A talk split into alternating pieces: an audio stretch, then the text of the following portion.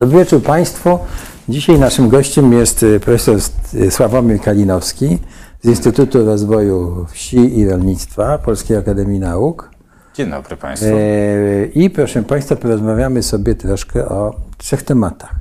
Pierwszym będzie rolnictwo, drugim będzie wieś, czyli polityka wiejska, bo zaraz wyjaśnimy, jaka jest y, różnica. Poproszę Pana o wyjaśnienie. No i powiemy też troszkę o demografii y, wiejskiej i powiemy sobie o e, wyzwaniach, e, jakie stoją przed polską wsią. A ja bym, pozwolę sobie zacząć od y, słów pana e, premiera Morawieckiego skierowanych do mieszkańców wsi na spotkaniu w Narolu na pograniczu województwa lubelskiego i podkarpackiego i premier mu zwrócił się tak, takimi słowami, słowy do nich. Drodzy mieszkańcy polskiej wsi, wy tyle razy zdradzeni przez liberałów z PO doskonale wiecie, jaka jest różnica między nami a tamtymi.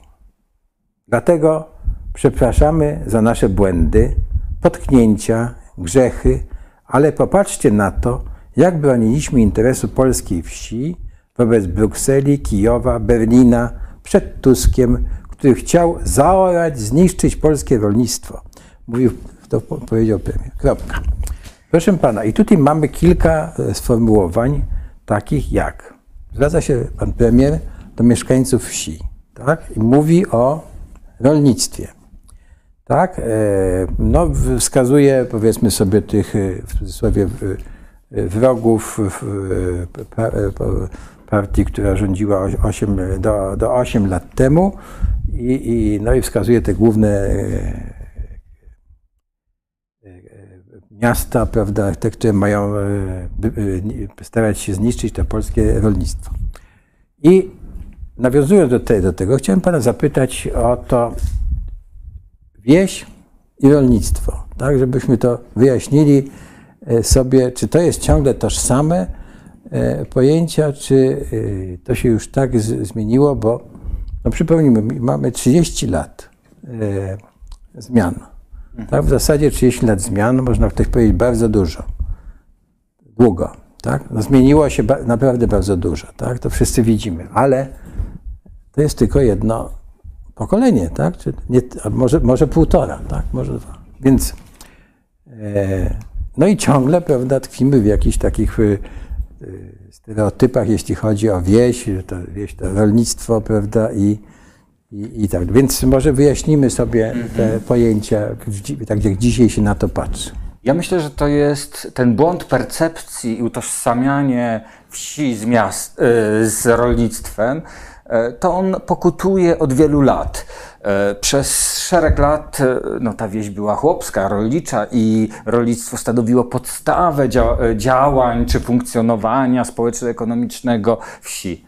Ale musimy zdać sobie sprawę, że szereg lat E, ta sytuacja na wsi się zmieniała. Zaledwie, no dzisiaj czytałem, 8,2%, jeśli popatrzymy na badania aktywności ekonomicznej ludności, 8,2% mieszkańców zajmuje się rolnictwem. Oczywiście y, to jest, to, to jest Bael, troszeczkę inna próba, inne, y, inne myślenie, ale możemy powiedzieć, że mniej niż 10% mieszkańców wsi zajmuje się rolnictwem. Czyli widzimy, że tym rolnictwem zajmuje się zasadnicza mniejszość y, mieszkańców wsi bo główne źródło utrzymania to praca najemna oczywiście i usługi. Te, te dwa elementy zdominowały krajobraz y, pracy polskiej wsi. Czyli nie już rolnictwo, a inna działalność. Jak pan mówi praca najemna, to znaczy, że mieszkańcy wsi pracują po, gdzieś już poza rolnictwem. Także jadą gdzieś do pracy tak, tak, to, tak? to jest oczywiście praca, e, do której muszą dojeżdżać do miasta położonego wokół, e, czy, czy też miejscowości i wsi położonych wokół dużych miast, gdzie kumulo, skumulowane są te miejsca pracy.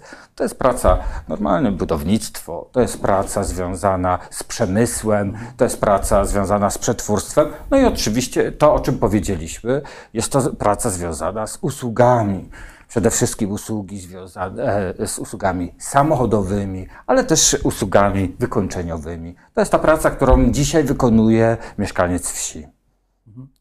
A jeśli byśmy y, wrócili do tego rolnictwa, tak, no to co się takiego zmieniło przez te, ostatnie lata? Ostatnie lata e, następuje zasadnicza zmiana w rolnictwie, bo proszę sobie e, uświadomić, czy też wyobrazić, że jeszcze w 2004 roku, kiedy przystępowaliśmy y, do Unii Europejskiej, to polski rolnik, jego dochody były zaledwie 66% tego, co osiągały przeciętne, średnie y, dochody w kraju. Teraz już te dochody są wyższe, ale nadal one są niższe niż e, dla pozostałej części społeczeństwa, bo wynoszą około 80% średnich dochodów e, społeczeństwa. Co więcej, jeśli popatrzymy na sytuację rolników, to ona poprawia się ze względu na szereg czynników. No, podstawowym oczywiście czynnikiem są e, fundusze europejskie, w tym przede wszystkim fundusze związane ze wspólną polityką rolną, które no, zmieniły krajobraz wiejski, krajobraz rolniczy, przede wszystkim rolniczy, bo oczywiście wiejski e, w jakiś sposób e, też zmieniły odejście od tego rolnictwa w kierunku zrównoważonego rozwoju, ale przede wszystkim no, takiej e, wielokulturowości, takiej działalności pozarolniczej. I to, to jest najważniejsza zmiana współczesnej wsi czyli odejście od rolnictwa w kierunku e, działalności pozarolniczej, oczywiście w pewnym stopniu też związane z rolnictwem, bo przetwórstwo między innymi, ale e, ta działalność pozarolnicza wybija się e, na pierwszy plan. Rozumiem. Jako źródło dochodu tych ludzi, którzy mieszkają na wsi. Dobrze, to teraz zatrzymajmy się jeszcze chwilkę przy tym rolnictwie. Powiedział Pan, że ci zatrudnieni w rolnictwie to jest 80, y, osiągają dochody, 80 procent, procent średnich średni, dochodów. Czyli w dalszym ciągu jest to, jest to gorzej niż reszta, tak?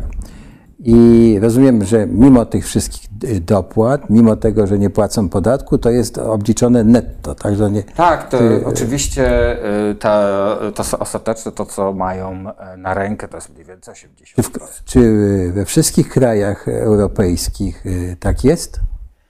To jest różnie. To jest bardzo różnie e, w tych krajach takich, e, gdzie to rolnictwo jest e, na wysokim poziomie i ono jest rozwinięte, ale też dopłaty z Unii Europejskiej są znacznie wyższe, bo nie oszukujmy się, mimo że polscy rolnicy otrzymują dopłaty, to one nie są równe dopłatom chociażby dla rolnika francuskiego, duńskiego czy holenderskiego. Te dopłaty tam są wyższe. Niemniej musimy zdać sobie też sprawę z tego, że polski rolnik e, ma niższe koszty utrzymania, niższe koszty związane z działalnością rolniczą.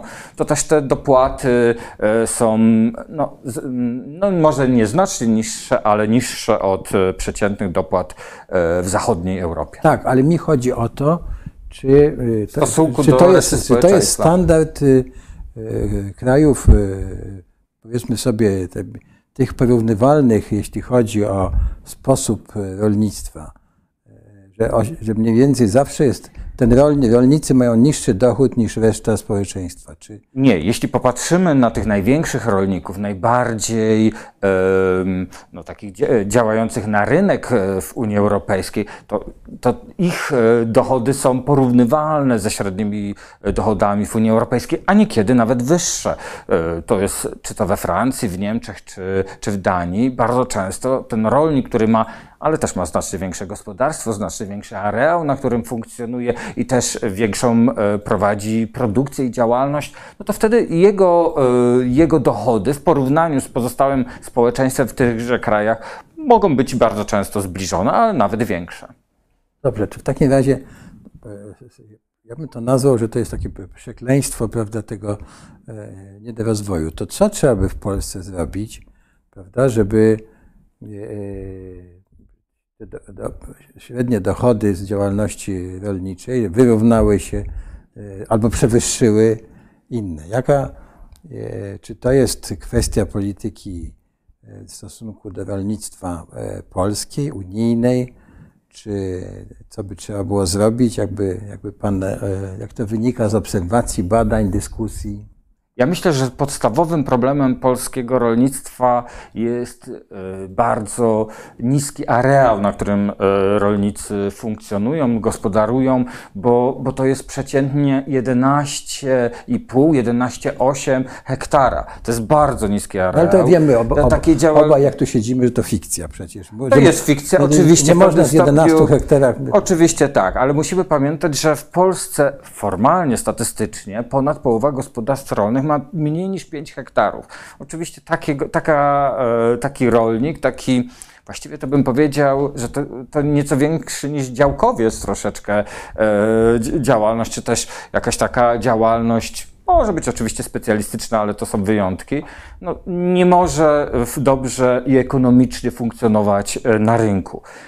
Oczywiście mówi się, że te przeciętne gospodarstwo faktycznie jest większe niż te prawie 12 hektarów, że to jest 20 kilka, nawet 30 kilka, ale to nadal mało. To nadal mało, żeby funkcjonować no przede wszystkim rynkowo, efektywnie rynkowo i żeby ta działalność przynosiła zyski no, porównywalne chociażby do, yy, do, do polskich pozostałych yy, dochodów w gospodarce narodowej.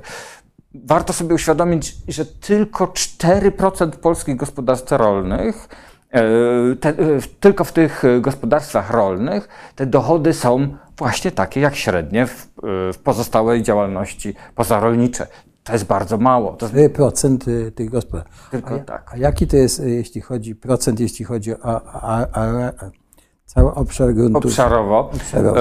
Przyznam, że nie liczyłem, jaki to jest obszar e, gruntów, ale możemy sobie wyobrazić, no, jeśli w Polsce mamy milion trzysta gospodarstw rolnych, a tych największych to jest zaledwie, e, tych e, mówię, powyżej 100 albo i więcej hektarów, to jest 3-4%, to właśnie to dotyczy tylko tych największych gospodarstw. Tylko w tym przypadku e, ta działalność e, jest opłacalna. Jaki to jest dokładnie areał, e, nie sposób mi to- teraz powiedzieć, ale no, oczywiście, no, no, jeśli to jest 200, 300, 500 e, hektarów, no to ta działalność może być wówczas opłacalna. Mówi się z wielu badań, że to minimum to jest 50 hektarów. Niektórzy powtarzają, że nie, że to nawet 100 hektarów, żeby ta działalność była opłacalna. Ale żeby była na równi z pozostałą częścią społeczeństwa, to oczywiście te 50 czy 100 hektarów to nadal jest za mało.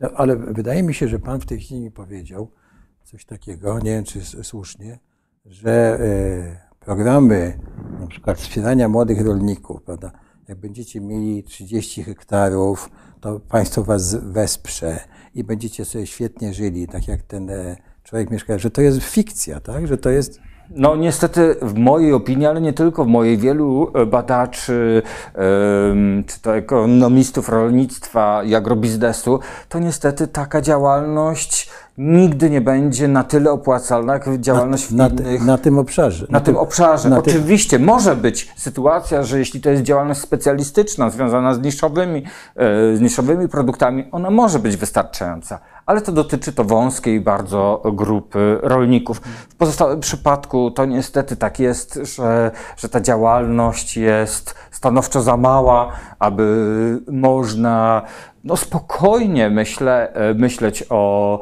e, o dorównaniu pozostałej części społeczeństwa. Czyli czy ja dobrze w takim razie rozumiem pana, że e, po, polskie rolnictwo jest pewnego rodzaju pułapce, takiego nie wiem, nie, nie, nie do rozwoju, że e, i w takim razie e, dlaczego się utrzymuje w taki stan ty, ciągle od, e, czy nie ma bodźców, czy to jest e, Tu warto sobie zdać e, sprawę z pewnej takiej, takiego uzależnienia polskiego rolnika e, od wspólnej polityki rolnej, a właściwie od pierwszego filaru tejże polityki rolnej, czyli od dopłat bezpośrednich.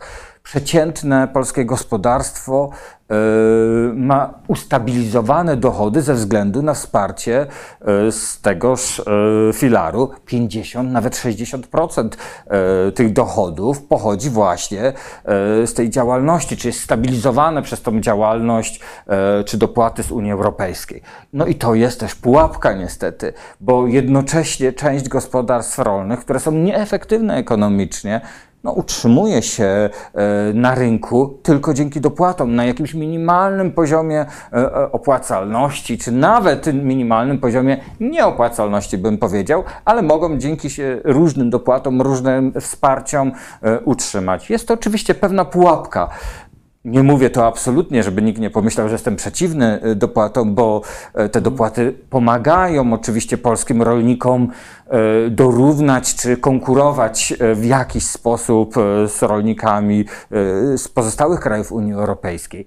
Jednocześnie musimy sobie zdawać sprawę, że przez lata petryfikują e, polską sytuację e, rolniczą, czy w rolnictwie na takim poziomie, że nadal fikcyjnie mamy milion trzysta... Petryfikują, znaczy utrzymują ten, utrzymują ten stan, ten stan e, niezmieniony, czy w niewielkim stopniu zmieniający się.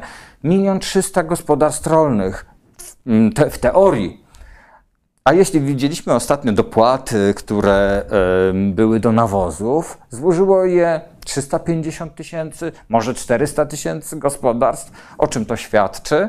No, świadczy przede wszystkim że to, o tym, że to 700 tysięcy w ogóle nie, nie funkcjonuje, nie funkcjonuje, bo jeśli nie kupuje, wiadomo, część e, utrzymuje ekologiczną e, tak, no, działalność, no, ale, to, ale to jest jakiś tam, bym powiedział, promil nawet tych gospodarstw a pozostałe, jeśli prowadzą działalność, to prawdopodobnie muszą kupić nawozy. A jeśli tylko 350-400, być może e, w ostatecznej wersji e, takich gospodarstw e, złożyło wniosek o dopłaty, no może to świadczyć o tym, że y, tylko tyle gospodarstw faktycznie funkcjonuje. Ale jeśli nawet popatrzymy na te milion trzysta gospodarstw rolnych, to mówi się wszelkie badania i to zarówno u nas w Instytucie Rozwoju Wsi i Rolnictwa Polskiej Akademii Nauk, ale też w Instytucie Ekonomiki, Rolnictwa i Gospodarki Żywnościowej, czy też na Uniwersytecie Przyrodniczym w Poznaniu, z, którym, y, z którymi współpracujemy, y, mówi się, że to może być 250-300 tysięcy tysięcy gospodarstw, które faktycznie e, działają na tyle dobrze ekonomicznie, że mogą konkurować na rynku.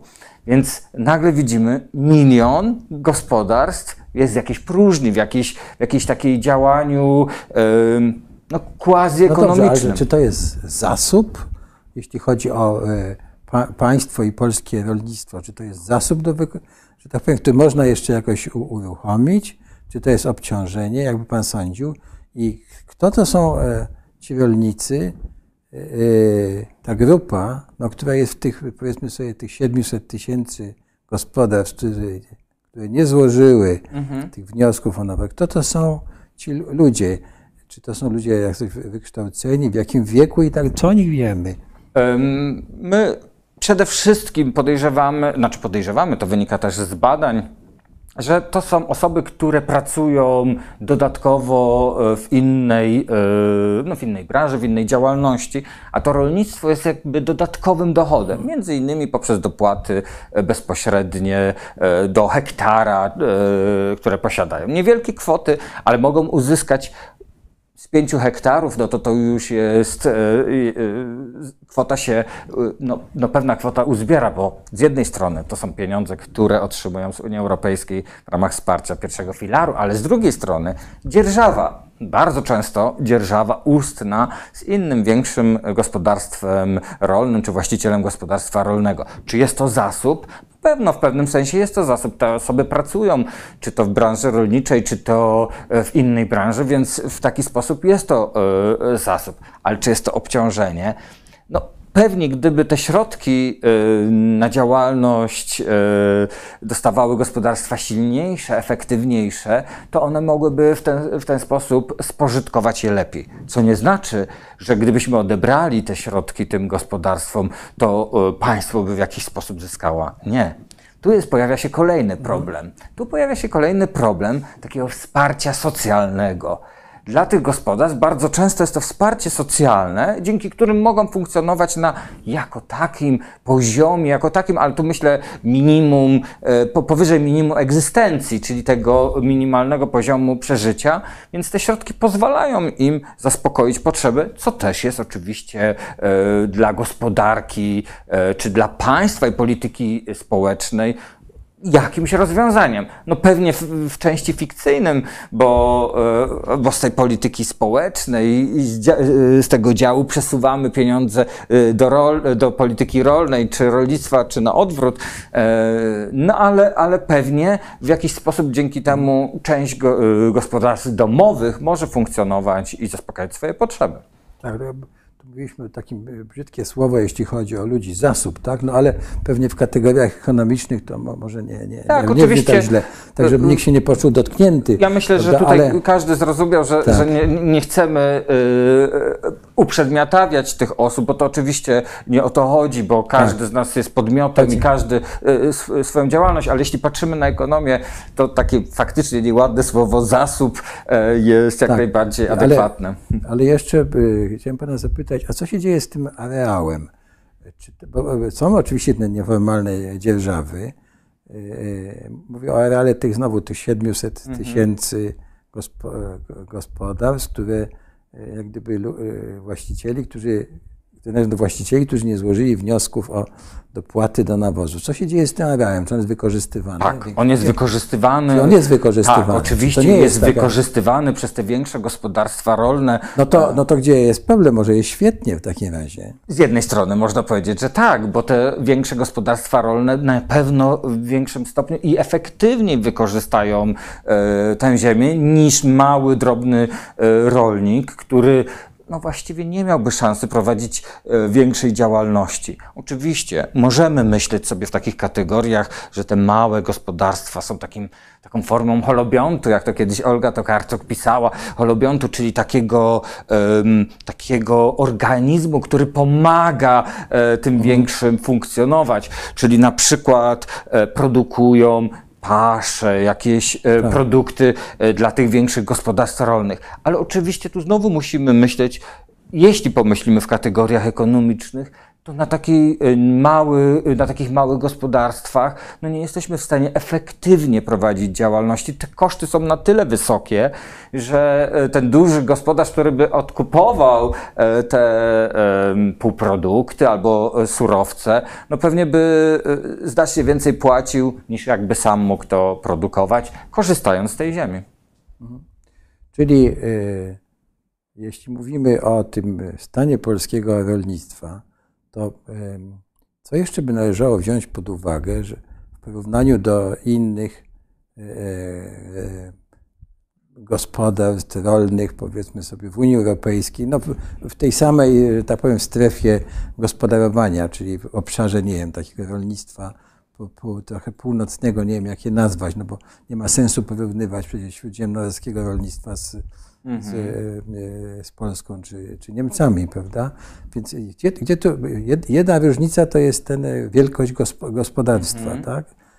Drugie, co jeszcze takiego? Jakie są różnice, że, Polskie, że, że, ten, że ten rolnik duński czy inny osiąga te 100% czy więcej przeciętnie, a, a Polski nie? Gdzie jeszcze są Polskie te... gospodarstwa są stosunkowo dobrze u, y, utechnicznione, czyli mają e, odpowiednie e, maszyny, urządzenia. To jest dosyć duży paradoks, ale też powoduje podrożenie kosztów, bo jeśli małe, mniejsze gospodarstwo, no bo oczywiście nie mówimy o takim pięciohektarowym, ale, ale tych mniejszych śred, czy średnich gospodarstwach, jeśli one mają e, ciągnik, jeśli mają e, no, inne urządzenia, które, które funkcjonują w tym gospodarstwie, to też podroża ko, e, koszty działalności. Ale polskie gospodarstwa są dobrze e, wyposażone e, w techniczne e, środki produkcji i o tym musimy pamiętać. W tym nie jesteśmy gorsi. Co, co w czym jesteśmy gorsi? Ale z punktu widzenia Europejskiego Zielonego Ładu lepsi to jest mniejszy stopień wykorzystania nawozów i środków ochrony roślin. My w porównaniu z krajami y, Unii Europejskiej, tej powiedzmy takiego tego trzonu Unii Europejskiej, to my znacznie mniej korzystamy y, z tych środków, bo y, to jest około dwóch, nieco ponad dwa y, kilogramy na hektar y, używamy środków ochrony roślin, podczas gdy w Holandii to jest 8 czy w innych krajach to jest, w Unii Europejskiej to jest nieco ponad 3 faktycznie, średnia, Tak. ale, ale, ale te najbardziej e, rozwinięte rolniczo kraje, one używają znacznie więcej niż te pozostałe, mniej rozwinięte. To w tym e, powiedzmy jesteśmy gorsi, a może lepsi właściwie, bo dzięki temu nasza e, produkcja jest bardziej no, zdrowa i no, wiadomo, że wszystko, każde, w każdym kraju jest zdrowa, ona musi być zdrowa, bo przechodzi pewne,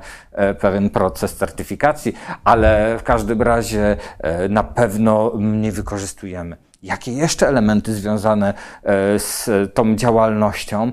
No to myślę, tu, że tutaj jest też ważne, że zbyt, zbyt wiele osób przypada na e, hektar, e, czy no akurat w tym przypadku może nie hektar, ale e, czy 100 hektarów, czy, czy, czy więcej w polskim rolnictwie, co również powoduje, że jest ta produkcja mniej opłacalna niż w tych krajach. Mówi Pan o pracownikach, tak? Którzy Tak, o pracownikach, o, o liczbie osób pracujących w rolnictwie na, na hektar. Ja sobie nawet gdzieś zapisywałem, że w Polsce e, na jedną osobę przypada 8,7 hektara, jedną osobę pracującą w rolnictwie. W Unii Europejskiej jest to 19.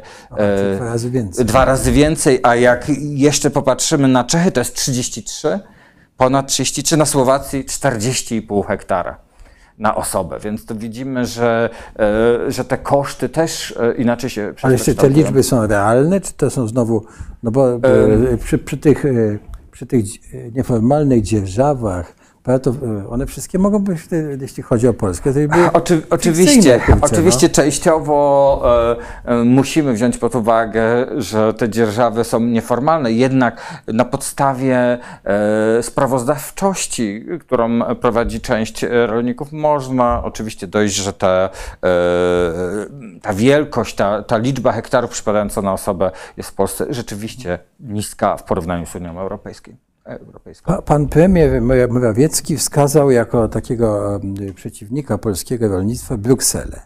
Tak? To, czy y, rzeczywiście tak jest, że e, e, jak to można zinterpretować? To Bruksela rzeczywiście jest przeciwnikiem, e, no bo z tego, co pan tutaj mówił, no to te wszystkie wspólne polityki rolne, prawda, no, e, czy te wszystkie e, programy, no, e, są korzystne dla e, polskich rolników.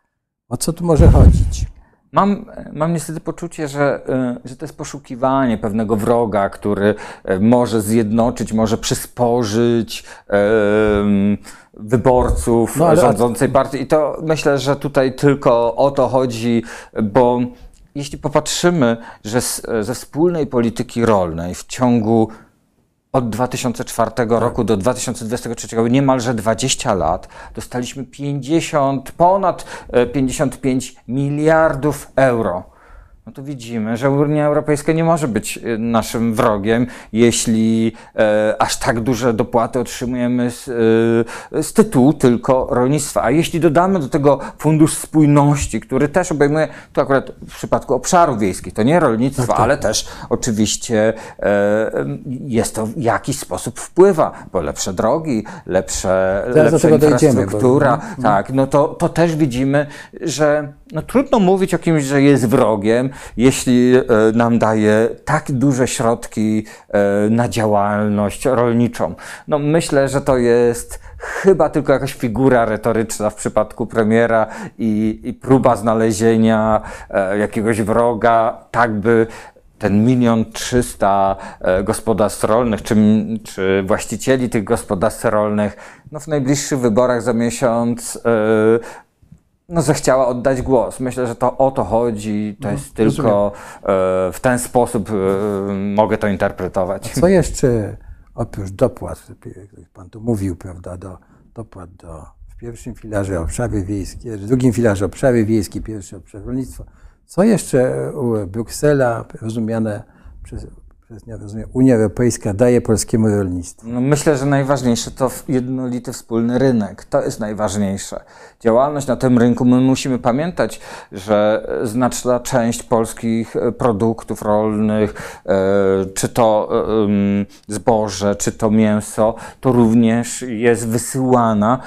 Ja nie pamiętam, czy to jest około 70, bodajże 5%, nie pamiętam dokładnej wielkości, ale to około 75% e, produktów rolnych wysyłanych jest do Unii Europejskiej. Przede wszystkim Niemcy, przede wszystkim. e, e, Czyli to jest na, następny wzór wskazany przez pana premiera, także No właśnie. Berlin, także nie. Ja myślę, że to, to jest taka, takie figury e, retoryczne, które pan premier używa. One są dosyć niebezpieczne, bo jeśli naszym pierwszym importerem, ale też eksporterem, to działa w dwie strony, są Niemcy i my zniechęcamy do siebie ten kraj. No, widzimy od 8 To lat. taki Niemiec pójdzie do sklepu, powie o polskie produkty, to nie, tak, bo Niewykluczone, że ja, w pewnym ja, momencie... ja mam ten sam odruch w stosunku, tam nie wiem, prawda, do stacji benzynowej MOL, do której tam w życiu nie pojadę, tak, bo, bo Ja, ja myślę, że to niestety może e, prowadzić do jakichś takich konsekwencji, no złe, przede wszystkim złego wizerunku polskiej, marki,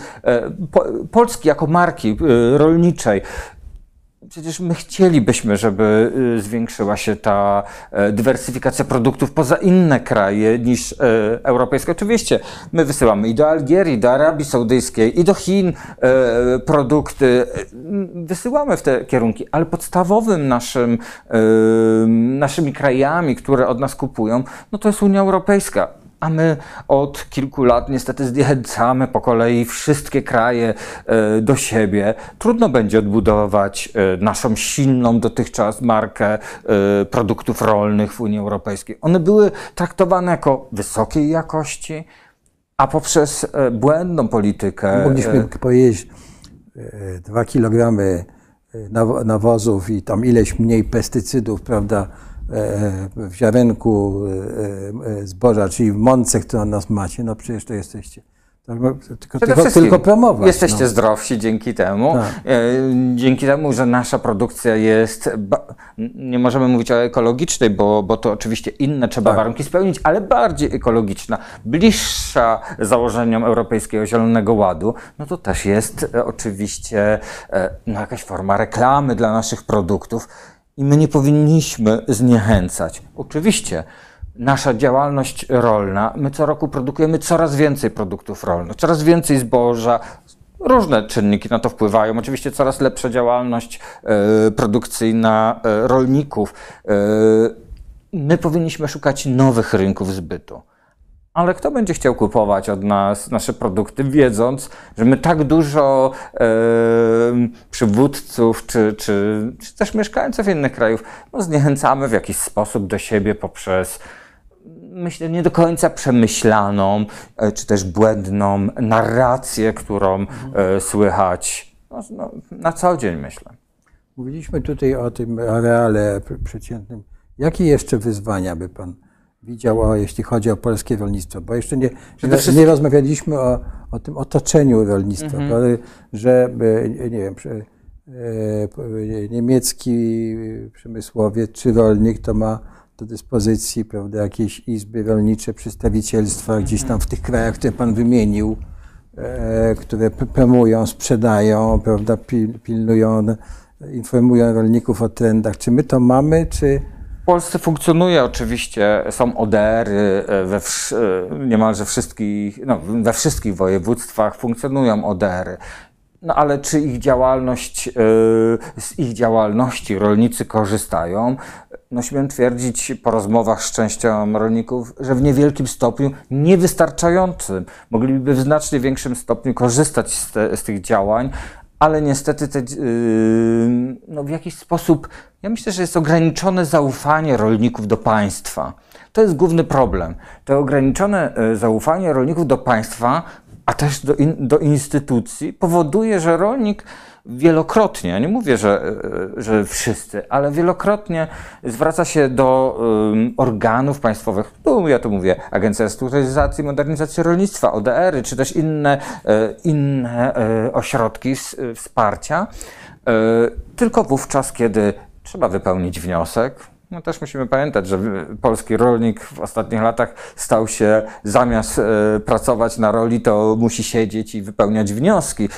A dopłata do tego, dopłata do innego e, i, i e, stał się zawodowym wypełniaczem wniosków. Kiedyś czytałem artykuł odnośnie zawodow zawodowstwa wśród wypełniaczy wniosków. No ale niemniej jednak, wracając do tematu, ta obawa, te, te, takie poczucie, że i tak nie zostaną spełnione moje oczekiwania, powodują, że część rolników w niewystarczającym stopniu korzysta z pomocy Ośrodka Doradztwa Rolniczego. My współpracujemy z Ośrodkiem Doradztwa Rolniczego w Minikowie.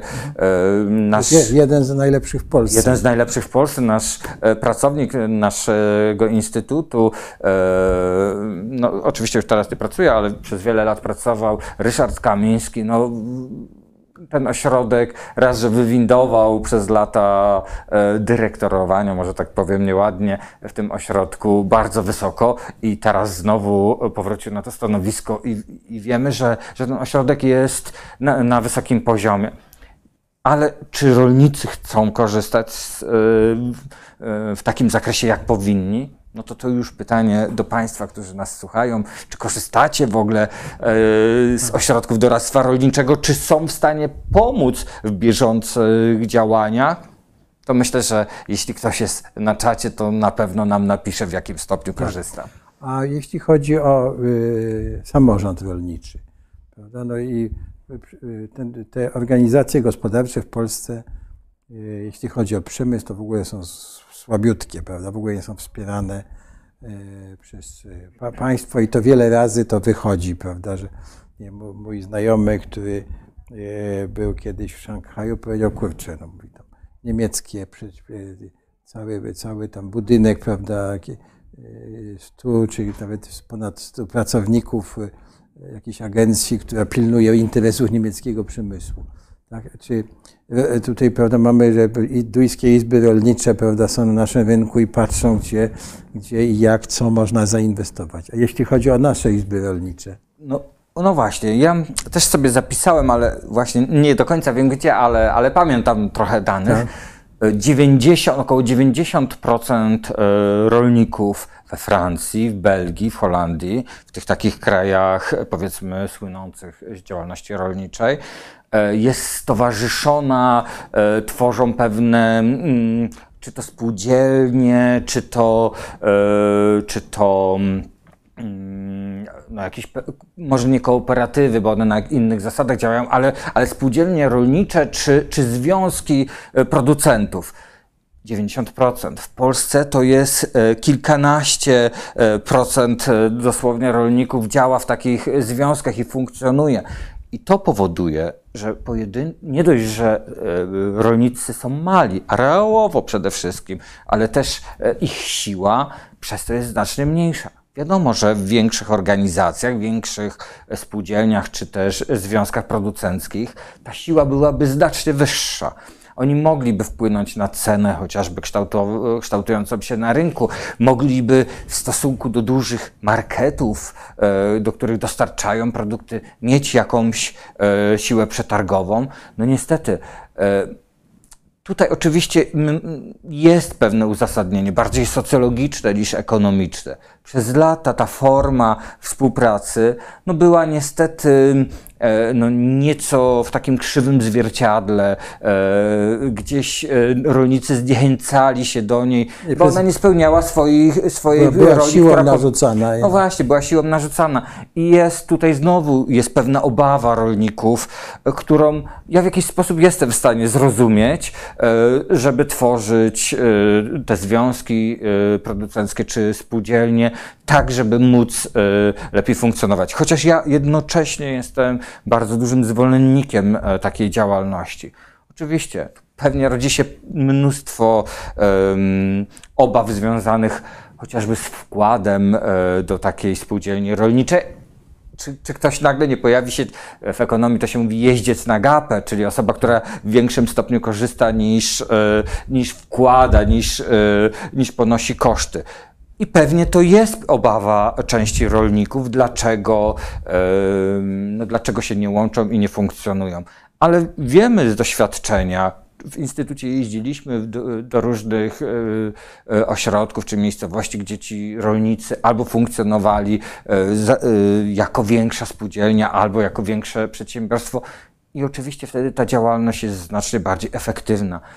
Dlatego też w jakiś sposób apeluje, żeby rolnicy chcieli, nie obawiali się, a państwo tworzyło instrumenty, żeby rolnicy chcieli e, taką działalność, e, czy łącze, łączyć się, e, oczywiście przy zachowaniu pewnej podmiotowości każdego e, spo, e, gospodarstwa rolnego, ale jest to element, który mógłby spowodować, przepraszam, że, e, że to rolnictwo byłoby bardziej efektywne ekonomicznie.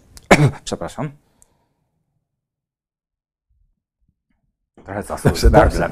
E, Proszę pana, bo e, e, no mieliśmy taki przypadek, że minister e, w cudzysłowie doradził rolnikom, co mają robić, tak? No i chyba to nie była dobra rada. Teraz zresztą wrócimy do tego. Więc a kto w zasadzie dzisiaj doradza polskim rolnikom? No ja rozumiem, że ci rolnicy, którzy są e, wielkoobszarowi, wykształceni i duzi, to oni Nie potrzebują. po- znajdą sobie prawda, jakieś dane na, na giełdach, prawda, nie wiem, gdzieś tam, prawda, na głównych giełdach spożywczych, przeczytają sobie trendy, no bo na świecie są te organizacje, tak.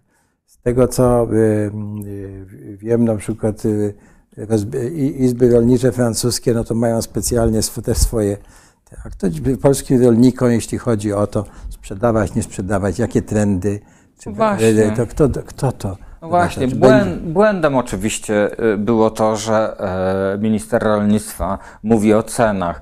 E, Ani instrumenty, ani, e, ani nie do tego Nie, ale to jest, zostawmy, bo to jest- jest wiemy, to błędy, Oczywiście tym powinny taką- zajmować się albo samorządy rolnicze, które nie mają środków na e, prowadzenie em, jakichś takich działań związanych z predykcją, przewidywaniem przyszłych e, trendów na rynku, no i przede wszystkim ośrodki doradztwa rolniczego. Ale też wiemy, że tak wiele dzia- działań muszą te ośrodki prowadzić, że często to taka predykcja, co będzie się działo w przyszłości, ona jest niestety e, no, troszeczkę e, zachwiana, czy też może w, zbyt niskim stopniu realizowana przez te ośrodki, a na pewno przez samorządy rolnicze nie mają takich wystarczających środków, żeby taką, e, takie działania prowadzić no, adekwatnie do, do potrzeb rolników. Dobrze, to jeszcze wróćmy w takim razie teraz do tych głównych wyzwań, wyzwań unieśmy się troszkę wyżej, y, taki poziom y, tego, co się dzieje na, na świecie. Te- Jakie są naj, największe w tej chwili wyzwania dla polskiego rolnictwa? No bo z tego, oczywiście z tego, co powiedzieliśmy sobie, to już można sobie wysnuć wniosek, prawda, e, e, co by należało zmienić i, i, i nie wiem, ktoś, kto y, kandyduje, żeby być we w przyszłym rządzie czy w, czy w Sejmie i zajmuje się wsią, no to y, pewnie, pewnie wie, chociaż nie jestem e, pewien, czy to nie jest takie doraźne. Ale wznieśmy się na ten wyższy poziom e, tak jeszcze tego rolnictwa światowego i w tym e, e, Polski. I oczywiście Polska jest w Unii Europejskiej, i, no ale e, dla polskiego rolnictwa jakie, jakie są w tej chwili e, wyzwania, jakie jakby Pan widział? Znaczy, wyzwań na pewno dla rolnictwa jest mnóstwo. Pierwsze, takie najważniejsze, myślę, w najbliższych la latach, no to jest Europejski Zielony Ład.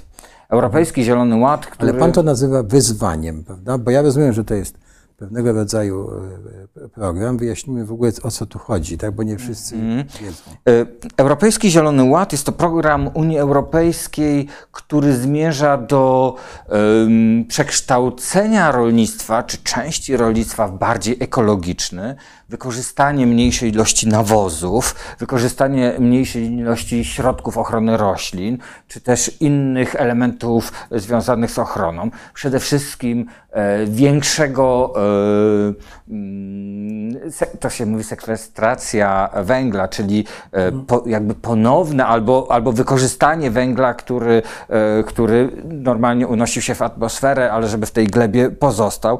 Jest to mm, taki program, który w zamyśle ma poprawić w jeszcze większym stopniu jakość i, e, żywności w Unii Europejskiej.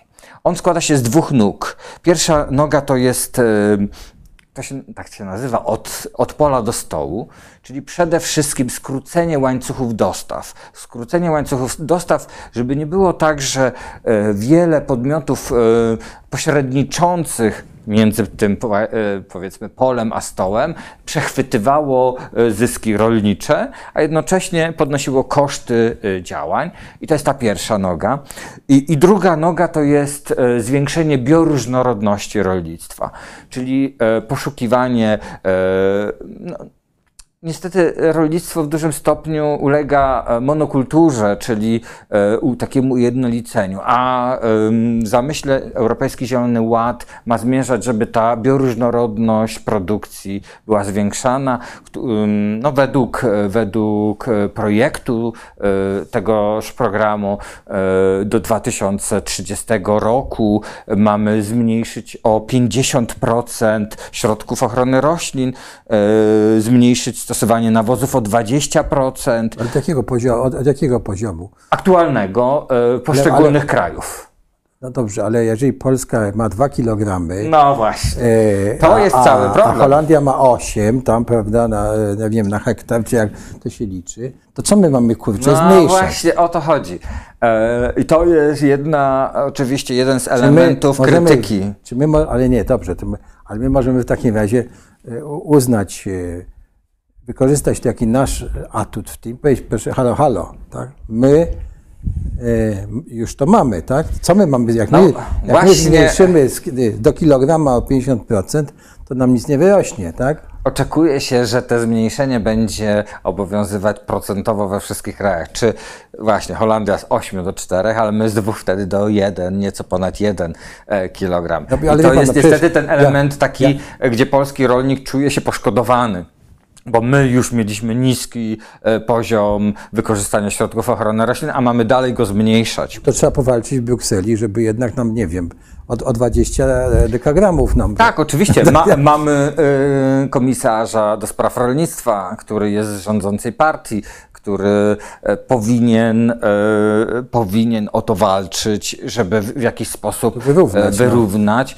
No. Y, jak walczy jaką ma siłę, e, no to, Dobra, to, to dobrze wiemy. Ale jeszcze wracając do Europejskiego Zielonego Ładu, on zakłada, że 25% produkcji e, w, e, w gospodarstwach rolnych będzie produkcją ekologiczną.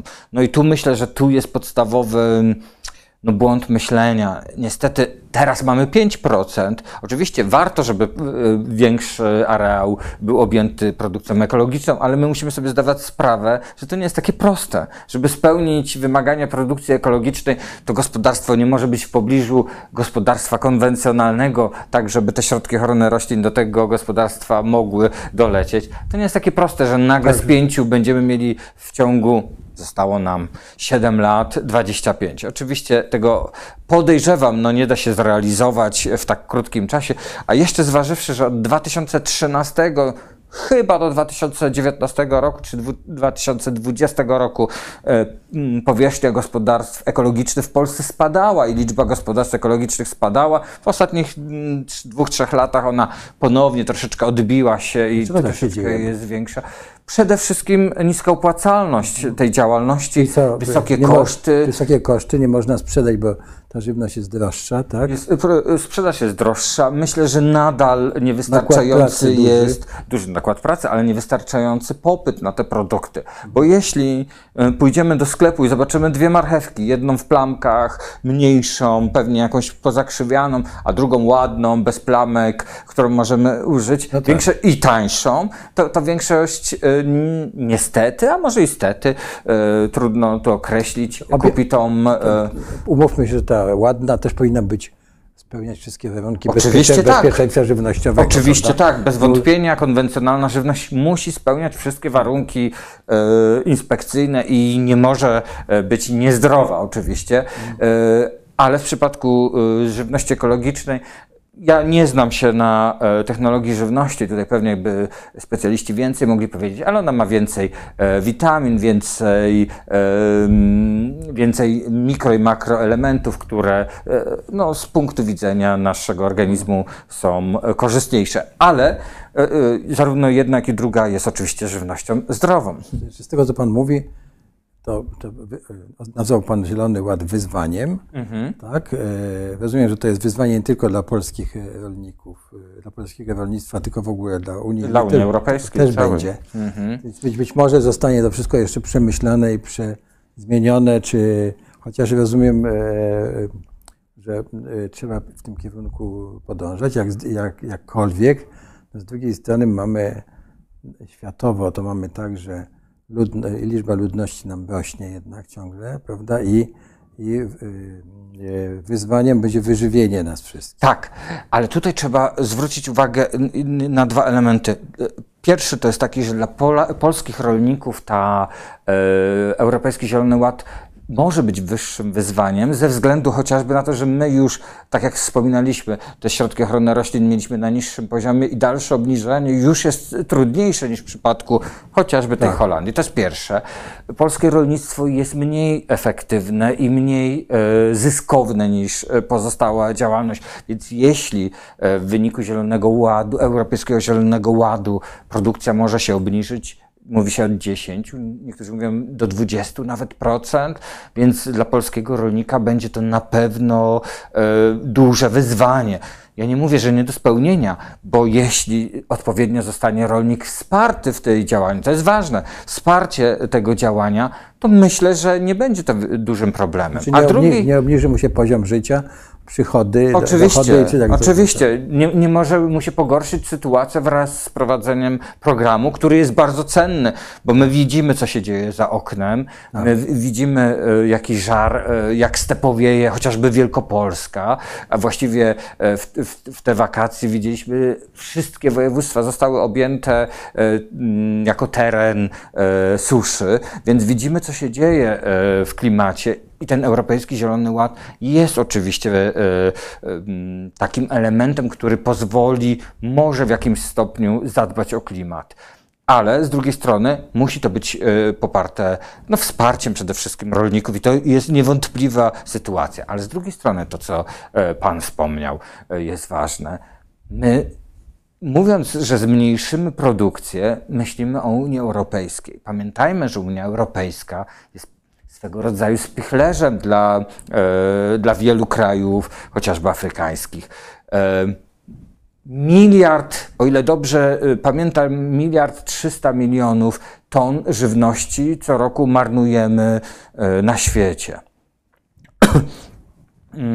Ale to marnujemy w krajach, no właśnie, europejskich, Stany Zjednoczone, to są główni, e, główne e, kraje, które, e, które marnują. I tu się pojawia wyzwanie. Co zrobić, żeby mniej marnować, tak żeby w krajach afrykańskich, może w azjatyckich, może Ameryki Południowej częściowo mogły te nadwyżki produkcji zakupić, w jakiś sposób wykorzystać. Tu jest wyzwanie kolejne dla rolnictwa i to nie tylko polskiego, ale europejskiego. Byśmy mniej marnowali, a no, więcej, zaraz, zaraz, w większym stopniu wykorzystywali. Jak Pan o tym mówi, to od razu mi się nasuwa pytanie, gdzie, gdzie ta żywność jest marnowana? Czy ona jest marnowana w rolnictwie? To znaczy, że Na produkujemy za dużo i, i to się marnuje, bo się nie da tego sprzedać i tak dalej, tak? To w takim razie Rozumiem, że wtedy traci rolnik do oczy. To się marnuje, że już Na rolnik, rolnicy sprzedadzą, prawda? I marnujemy my, że y, kupujemy, a potem nie zjadamy. Na etapie produkcji, o ile dobrze pamiętam, to chyba 20% e, jest Aż tyle. E, marnotrawienia.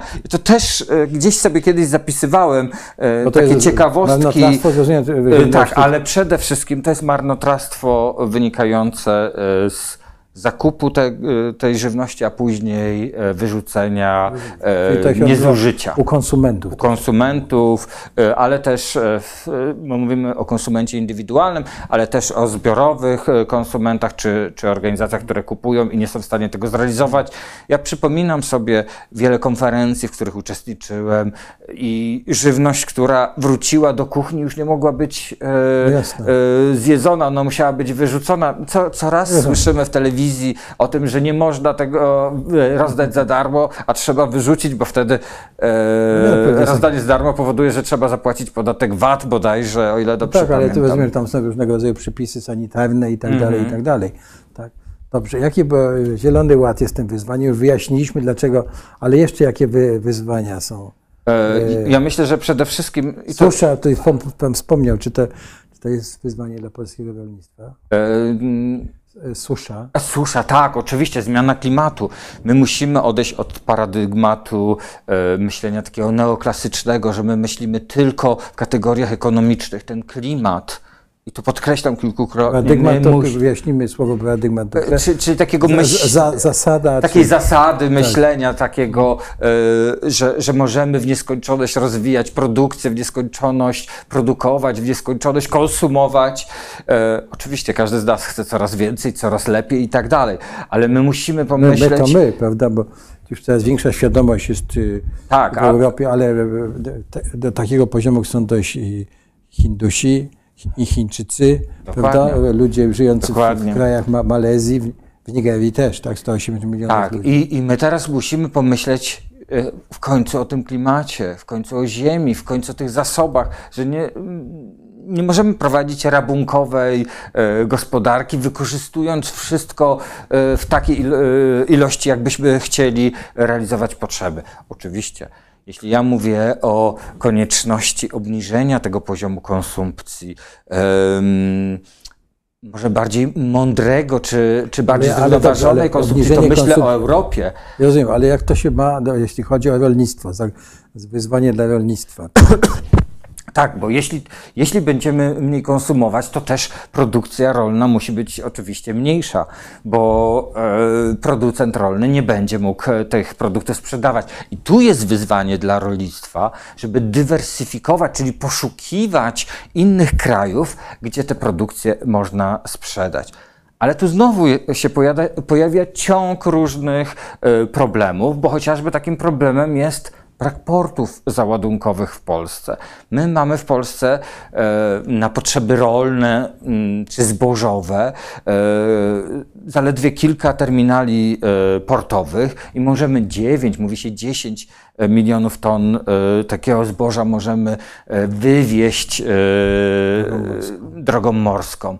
A to za mało, bo jeśli my będziemy obniżać e, naszą konsumpcję, mniej, może nawet nie obniżać, ale nawet jeśli ona będzie konstans, ale mniej będziemy e, marnować, no to warto byłoby tę tę produkcję nadmiarową sprzedać, żeby, żeby producenci, żeby rolnicy mieli z tego zysk ale nie ma odpowiedniej infrastruktury, która by zapewniła, by, ta, by to rolnictwo polskie, przede wszystkim polskie, ale nie tylko, bo to się dzieje we wszystkich, y, praktycznie wszystkich takich rolniczych krajach europejskich, mogło być y, konsumowane przez innych mieszkańców Afryki, y, pewnie jakieś, w jakiejś części i Oceanii, i Azji, i innych, być może Ameryki Południowej krajów ale do tego potrzebna jest infrastruktura. A jeśli my myślimy o dopłatach bezpośrednich, a gdzieś zapominamy y, o rozwoju infrastruktury i rozwoju rolnictwa, no to Tak, stymulujemy produkcję, która nie może być skonsumowana na zewnątrz. W związku z tym pojawiają się na- nadwyżki i dochodzimy do tego, że mamy e, pełne ma- magazyny, tak, które zboże leży i z jednej strony może się zmarnować, z drugiej strony może się zderzyć z taką sytuacją, jaką mamy. barierą popytową przede wszystkim, tak. ale przede wszystkim my z poprzedniego roku rozmawiałem z moim kolegą rolnikiem, który ma duże gospodarstwo rolne. On mówi, że jeszcze cały czas nie sprzedał z poprzedniego roku e, zboża, o którym się mówi, co jakiś czas ten problem e, wybucha. E, mówi się, że to może być 4, nawet 5 milionów ton z poprzedniego roku, a tu już jest kolejne żniwa, kolejne plony, kolejne, kolejne zboże, które przychodzi i, i te nadwyżki się pojawiają. I tu jest rola państwa, by rolnictwu pomagać, żeby tworzyć infrastrukturę, ale infrastrukturę to jedno, ale przede wszystkim wspierać przy poszukiwaniu nowych rynków zbytu. To jest bardzo ważne. To, to, to pewnie e, tak sobie jeszcze rzucam okiem, bo tu e, mam notatki, co, e, jakie jeszcze elementy związane z, mm, z wyzwaniami dla rolnictwa. No tak. O, mam kolejne. Tak sobie rzucam okiem. Profesjonalizacja polskiego rolnictwa. Coraz większe. To jest wyzwanie, które w ostatnich latach w coraz większym stopniu staramy się, e, mówię my, ale to rolnicy e, spełniać. Coraz, polskie rolnictwo jest coraz bardziej spro, e, sprofesjonalizowane i to jest dobre. To wyzwanie, które, e, które stawiane było kilka lat temu, widzimy, że, że polscy rolnicy, oczywiście nie mówię o wszystkich, bo Tak, z tego miliona Ale sprofesjonalizowany to znaczy, że umiejący podejmować decyzje o produkcji, tak? E, Prowadzący I, działalność jakoś celową, pewne, pewne działalność e, ma e, o odpowiedniej infrastrukturze, która może mhm. przetwarzać, gromadzić i tak dalej. Mhm. Dobrze, bo rozmawiam już godzinę o rolnictwie i to jest wszystko bardzo ciekawe, co Pan mówi, ale chciałbym jeszcze, wie Pan, zapytać Pana o tę sytuację, jaka nam wy, wyniknęła z, z Ukrainą. Mhm. Tak, bo mówiliśmy o tym. No i co się właściwie takiego wydarzyło i co się e, wydarzy i jak na to, jak sobie z tym problemem e, powinniśmy poradzić, tak? Nie ulegając, że tak powiem, e, e, emocjom czy obwinianiu tej, tych czy innych, tylko takiej, wie pan, zimnej analizie. Ja myślę, że pomoc Ukrainie, oczywiście w sytuacji, kiedy Ukraina jest E, na takim przedmurzu, walczy też za nas e, i nasze mhm. bezpieczeństwo, jest niezbędna. Ale ta pomoc musi być mądra. Mhm. Jeśli my się na coś zgadzamy, to powinniśmy mieć to przemyślane. Powinniśmy stworzyć odpowiednie instrumenty, odpowiednie e, narzędzia, aby ta pomoc mogła zostać zrealizowana. Bo oczywiście mogliśmy pomóc chociażby w tym tranzycie zboża i innych produktów, ale jak to zwykle e, w przypadku, gdy pojawiają się pieniądze, możliwości zarobienia, pojawia się też prawoseja. E, pojawiają się osoby, które chcą na tym zarobić. I tak niestety się stało. Zamiast e, zboże, które przez Polskę przejeżdżało, mogło przejeżdżać do innych portów europejskich, tam być rozwożone drogą morską do krajów chociażby afrykańskich, okazało się, że wielokrotnie to zboże w Polsce zostało. Widzieliśmy to po cenie tak to jest, że jeśli cena spada, to znaczy, że produktu na rynku jest za dużo.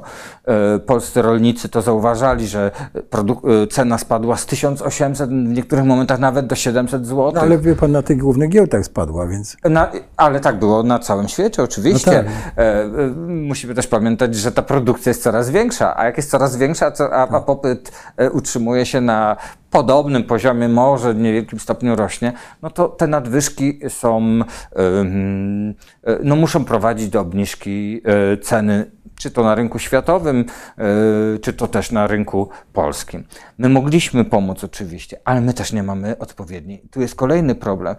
E, zadekretowaliśmy, postanowiliśmy, że częściowo będzie przez nasze e, porty morskie, ale nic nie zrobiliśmy, żeby stworzyć kolejny port czy, czy terminal w Kołobrzegu można było e, stworzyć e, czy w Gdańsku, czy jeszcze w, w inny sposób e, stworzyć terminal, terminale, gdzie by te zboże, czy inne produkty oczywiście rolne mogły być dalej transportowane drogą morską do krajów afrykańskich. No i to jest oczywiście pewien problem.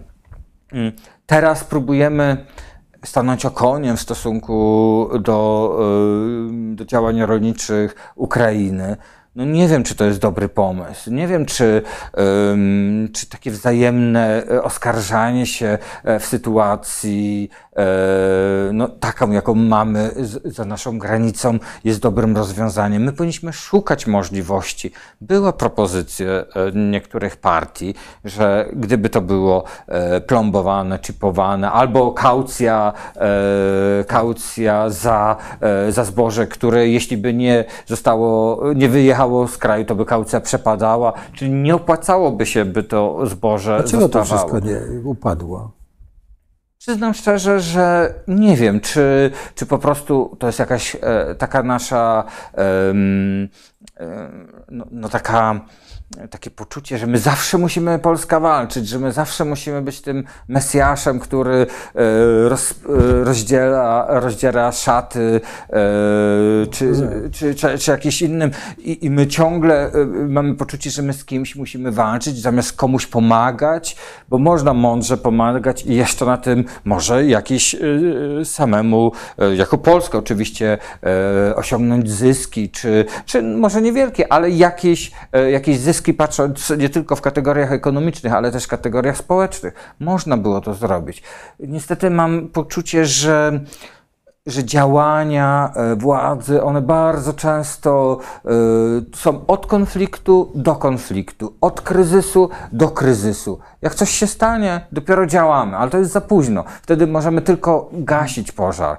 My powinniśmy myśleć wcześniej. Niestety działalność polityczna bardzo często wiąże się z tym, że no, rolnik zobaczy pieniądze, które otrzyma na konto, ale tej takiej działalności przed e, politycznej, takiej długoterminowej, on nie zobaczy, nie odczuje od razu, a więc dla polityka są nieefektywne.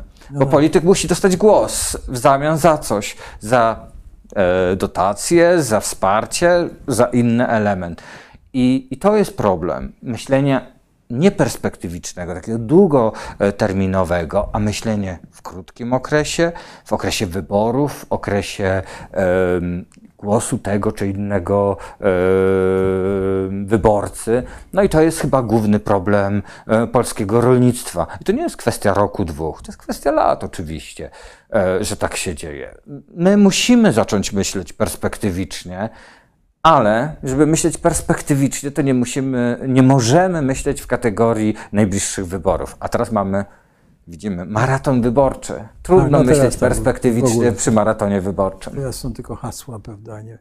Ale y, proszę pana, jeszcze y, mówiliśmy tutaj o, o, Ukrainie. Czy możemy jeszcze, bo jeszcze jeden przynajmniej temat y, chciałem poruszyć, mhm. mając tutaj pana. Y, Chciałbym e, e, e, Pana zapytać jeszcze o, o ten, Ukrainę, mhm. prawda? bo no, jest perspektywa, że Ukraina stanie członkiem Unii Europejskiej i spróbujmy porównać to rolnictwo ukraińskie z polskim, bo czy w ogóle opowiedzieć coś o rolnictwie ukraińskim, mhm. bo no jest wiele, że tak powiem, przekłamać na ten temat i w tej propagandzie, jaka jest, to się mówi, że się nie pomaga rolnikom ukraińskim, tylko koncernom i tak dalej. To, to są, co to są te koncerny na, na Ukrainie i czy to w ogóle jest coś innego niż koncerny rolnicze, nie wiem, e, też w Europie? Czy to jest... jakie to jest rolnictwo w ogóle?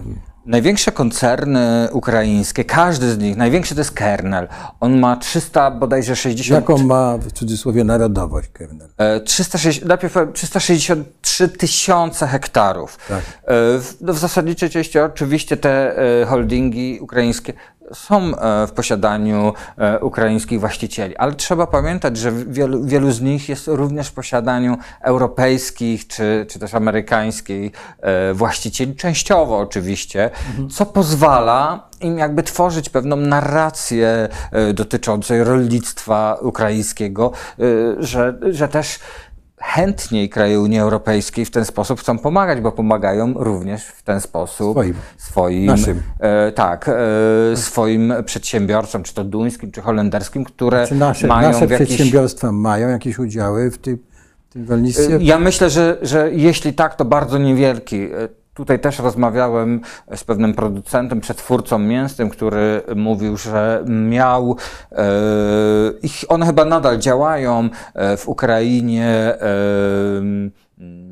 no takie powiedzmy i paszarnie, ale też przede wszystkim hodowlę kurcząt ale to są pewnie w jakimś niewielkim stopniu. Polski, polskie rolnictwo jest na tyle e, słabe, że no niestety nie stać, żeby takie rolnictwo e, wchodzić w inne. E, w inne. I wracamy do naszej rozmowy o tych organizacjach, zorganizowaniu rolnictwa i tak to dalej. Prawda. No, Rolnictwo ukraińskie ma dualny charakter. To będąc u nas e, w instytucie, pani profesor Borodina zwracała e, z, z Ukraińskiej Akademii Nauk, zwracała uwagę na ten Mamy dualny... materiał na Wszechnicy, o tym możemy Państwa odesłać, O, bo było właśnie, seminarium zachęcam. tutaj. Zachęcam. Zwracała uwagę na ten dualny charakter. To jest zarówno rolnictwo indywidualne, jak i rolnictwo e, wielkie, holdingowe, składające się z o, ogromnych połaci, em, połaci ziemi. Em, z tego, co, co pamiętam, co pani profesor mówiła, to mniej więcej e, powierzchniowo e, to ta różnica jest niewielka pomiędzy tymi e, działania, e, tymi dwoma dualnymi e, ścieżkami, powiedzmy, tego rolnictwa. Ale jeśli ścieżki to jest te holdingi i, i rolnicy indywidualni. Mhm. Ale jeśli już popatrzymy na zatrudnienie, no to już wtedy widzimy, że e, w tym takim e, indywidualnym to jest bodajże około 20% zatrudnienia, a, a pozostali w tych wielkich, ale w tych wielkich holdingach też ze względu na unowocześnienie działalności rolniczej to zatrudnienie w ostatnich latach znacząco spadało, na co też e, pani profesor Borodina zwracała Czyli- uwagę. Czyli jednym słowem, e, e, rolnictwo unijne, w tym polskie, stoi w obliczu dobrych gleb i Oczywiście. bardzo nowoczesnych koncernów, za, częściowo zachodnich, które gospodarują w nowoczesny sposób, tak, bardzo wydajnie. Tak, przecież pamiętajmy, ziemie w Ukrainie, no to czarnogleby, bardzo wysoko wydajne, ale też przede wszystkim e, wielki pieniądz, który stoi za holdingami. Z tego nie tak dawno czytałem, em, że Kernel, m, jeden port, jeden termin, nie wiem czy jeden terminal, ale jeden port bodajże w Odessie, o ile dobrze pamiętam, ma większą przepustowość niż wszystkie polskie porty y, y, razem wzięte. I to tylko Kernel, tylko jedna, e, jeden holding, więc e, ta ich siła jest bardzo duża. Jeśli e, Ukraina przystąpiłaby do Unii Europejskiej, to mniej więcej całe rolnictwo ukraińskie to jest 30% rolnictwa polskiego. I to Nie, jest nie, czy europejskiego. E, Europejskiego, oczywiście, nie tak. polskiego, europejskiego, jasne. Czyli widzimy, jaka to jest wielka siła. Tutaj też musimy mądrze e, takiego za- działać. zorganizowanego, nowoczesnego, silnego, Silnego. e, bardzo em, no, efektywnego e, działania i tutaj też musimy pamiętać, e, żeby mądrze pomóc. Jeśli Ukraina będzie w Unii Europejskiej, to wiadomo, że nie, Nie będzie- możemy nie będzie- doprowadzić do Jestem tego... przekonany, że to nie będzie tak, tak prędko. Nie będzie tak prędko i tak. pewnie jakoś związane z działalnością rolniczą też może być przesunięte w czasie, ale musimy pamiętać, żeby y, pomoc Ukrainie nie może odbywać się oczywiście kosztem y, polskich rolników czy europejskich rolników. I to każdy rząd sobie doskonale z tego sprawę zdaje, ale musimy w taki sposób pomóc Ukrainie, żeby to zboże mogło być y, eksportowane do krajów afrykańskich. Ja, ja, ja rozumiem, że my nie, nie zamykamy korytarzy Mm, e, absolutnie nie. e, transportowych w sensie, w sensie i eksportu, tylko nie chcemy wpuszczać, wpuszczać, wpuszczać tego zboża na polski rynek. Wesprzeć, ale nie e, przy okazji Ale jak my tego dokonamy, to ja nie, nie, wiem, bo e, Mamy szereg lat. Ja myślę, że mamy nie, nie, ale ja tak mówię dużo... w tej sytuacji bieżącej, bo, bo przecież jeżeli tylko część krajów unijnych nie wpuści, to jak, jak to zboże się znajdzie na rynku li- litewskim, prawda, a, a, a Myślę, no to- że tam e, ta przepustowość jest znacznie, znacznie Tak. mniejsza, dlatego, e, dlatego ta Polska miała być tym krajem No nie, e, no, tranzytowym. wystarczy spojrzeć na mapę, prawda? Tak, że, ale myślę, oczywiście to by podrożyło koszty e, tej produkcji e, ukraińskiej, ale w, w Europie mamy tak wiele portów, które mogłoby przejąć częściowo ten tranzyt i, i, i zwiększyć tym samym przepustowość, że jest to możliwe, jest to realne, no ale oczywiście to, to musi być współpraca rządów. To nie może być tak, że któryś rząd mówi nie, bo nie i nie rozmawiamy. To musi być tak, że rządy muszą ze sobą rozmawiać, muszą proponować, ale trzeba mieć silną pozycję. Polska musi mieć wówczas e, również silną pozycję przetargową na, e, w Unii Europejskiej. negocjacyjną, tak. No właśnie. A to niestety. Ciekawe, jak to dalej będzie. Jestem bardzo ciekaw. Proszę pana, e, jeszcze chciałbym pana zapytać,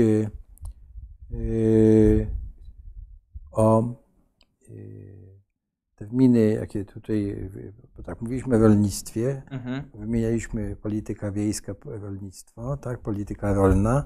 Wyjaśnijmy troszkę, e, na czym to po- polega, prawda? Czym się mówi rozwój wsi, prawda? Pierwszy, drugi filar Unii Europejskiej. Kiedyś, no, jak przystępowaliśmy do Unii, w tych materiałach edukacyjnych były prawda, te filary Mhm. rysowane i tak dalej. To przypomnijmy troszkę, na czym, Pierwszy na, czym, na czym polega ten cały coś, co się nazywa wspólną polityką.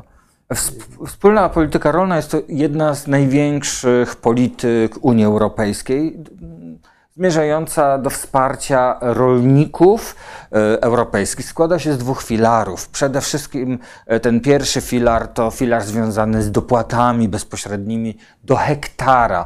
E, To był taki zamysł w Unii Europejskiej, że nie płacimy za produktywność, tylko za hektary. Dlaczego?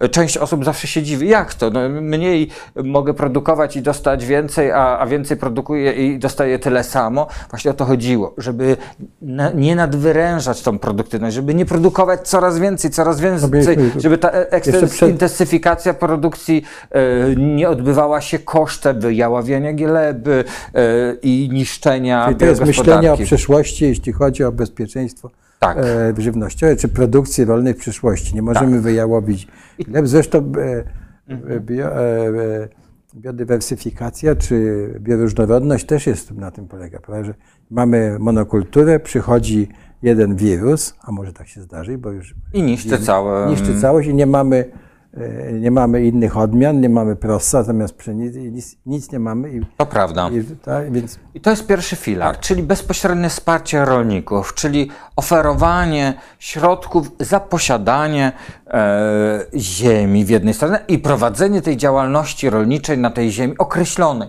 Tutaj oczywiście albo, albo trzymanie jej w gotowości. Jakby. trzymanie jej w gotowości.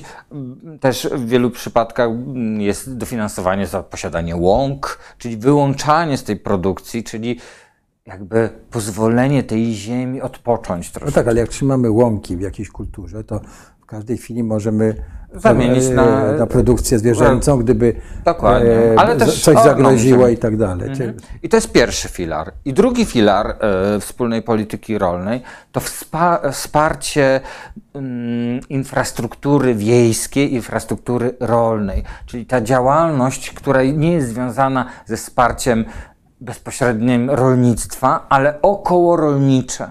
Infrastruktura, e, możliwości rozwoju i tak. E, To jest dla tych ludzi, którzy mieszkają na wsi, czy to jest. E, o, w jakiś sposób też wszyscy mieszkańcy oczywiście korzystają. No, w największym stopniu to dotyczy oczywiście jako wspólna polityka rolna, no, no, w największym stopniu dotyczy to rolnictwa, no nie ukrywajmy tego, ale, ale mieszkańcy wsi w pewien sposób też mogą e, z tego korzystać i to jest taki, e, no, można rozumieć nieco szerzej niż tylko taka działa, działalność stricte rolnicza. I to, to jest wspólna polityka rolna. I tak jak powiedziałem, to jest Ponad 55 miliardów euro Polska e, z tego tytułu od 2004 już otrzymała. Oczywiście teraz wspólna polityka rolna, ostatni, czy aktualnie trwający okres programowania, finansowania, on się troszeczkę zmienił, bo właśnie e, zmierza ku tej bioróżnorodności. E, tworzy się pewne schematy e, działań, tak żeby chociażby następowała sekwestracja, e, czyli zatrzymanie węgla, czyli prowadzenie tej działalności proekologicznej powoduje Pan mówi o dodatkowe zatrzymaniu dopłaty. węgla, to nie chodzi o to, że na polach ma leżeć węgiel kamienny. Nie, oczywiście nie. Chodzi o te- węgiel C, tak? Tak, C. Żeby, u- Że, żeby żeby ta ziemia, nie, u- tak, nie żeby, ulatniał żeby się, nie ulatniał, żeby nie utrzymać... zamieniał się w, dwutlen, znaczy w gaz cieplarniany dwutlenek Dokładnie, węgla. żeby, żeby utrzymać e, w ziemię, a dzięki temu też Tak. powodować e, no, no, lepsze, korzystniejsze ekologiczne efekty dla tej ziemi. Tu chociażby jest bezorkowa e, odchodzenie od, od orki ziemi, czyli żeby ta, e, poprzez orkę e, te, ten węgiel się nie musiał ulatniać. Przewracamy ziemię i wtedy część, e, Część węgla, t- tracimy. Tracimy bezpowrotnie, ulatnia się do... Stąd jest też, że na przykład jak się e, na, na wiezie e, nawozem, trzeba w ciągu tam, nie wiem, 24 godzin zaorać, żeby z kolei amoniak się nam nie, nie byśmy nie tracili. Żebyśmy nie tracili. Oczywiście ta wspólna polityka rolna nie tylko ogranicza się do tych dwóch e, filarów, bo, bo te dwa filary są najważniejsze. To jest zasadnicza część. Do, dopłaty, wsparcie, wsparcie Tak. dla rolnictwa. E, To, to jest zasadnicza część tej polityki rolnej, ale tutaj istotnym elementem polityki y, rolnej, e, n- znaczy oczywiście to jest fragment tylko tego całego koła, tego torciku, z którego to również gospodarka morska, e, w której też, e, też Rybołówstwo tam jest, tak? też jest, e, przyznam, ze względu na to, że w mniejszym stopniu tam Jasne. tą działalnością się zajmuję, to wiem tylko, że to są jakieś cząstki. Ja nie tak dawno na, na Twitterze dawałem, jaka to część tego tortu to właśnie jest inna działalność niż pierwszy i drugi filar. No to jest zasadnicza oczywiście i, i myślę, dla polskiego rolnika, mówię o tych towarowych rolników, gdyby nie ta, to wsparcie, to myślę, że byśmy byli znacznie dalej e, w szeregu e, czy, czy w sytuacji społeczno-ekonomicznej. Dalej Dalej w sensie czy dalej czy poniżej po, poniżej, Poniżej. średniej e, byśmy ciągle nie byli w stanie dogonić tego wspieranego rolnictwa europejskiego. Pozostawanie poza tym e, e, wspólną polityką rolną dla polskiego rolnictwa byłoby niszczące. Przede wszystkim nie bylibyśmy w stanie z budżetu państwa takich środków przeznaczyć na. Być może bylibyśmy, ale kosztem czego?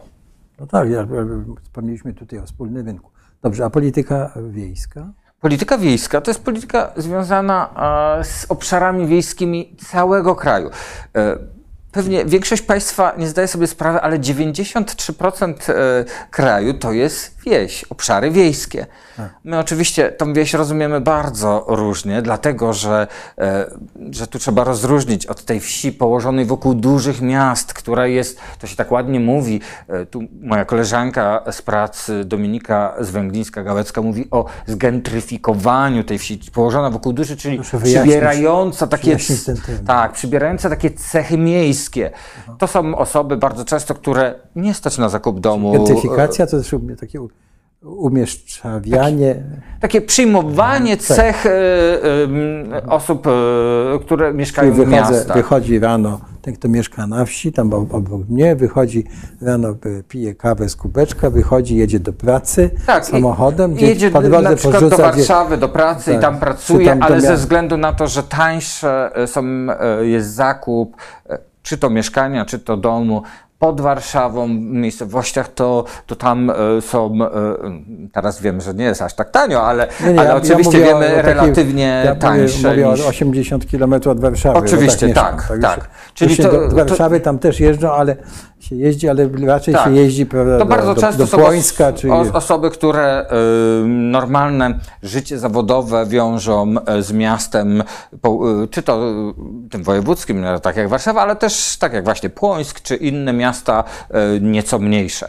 E, I to jest ta wieść, e, no, inne potrzeby ma, inne e, możliwości. I wieść taka oddalona e, od dużych miast, to się mówi e, bardzo często o wsi peryferyjnej, oddalonej, czyli już tam ta sytuacja e, ekonomiczna e, mieszkańców jest inna. Oni bardzo często mają e, trudniejsze czy mniejsze możliwości e, pracy ze względu chociażby na ograniczone możliwości transportowe.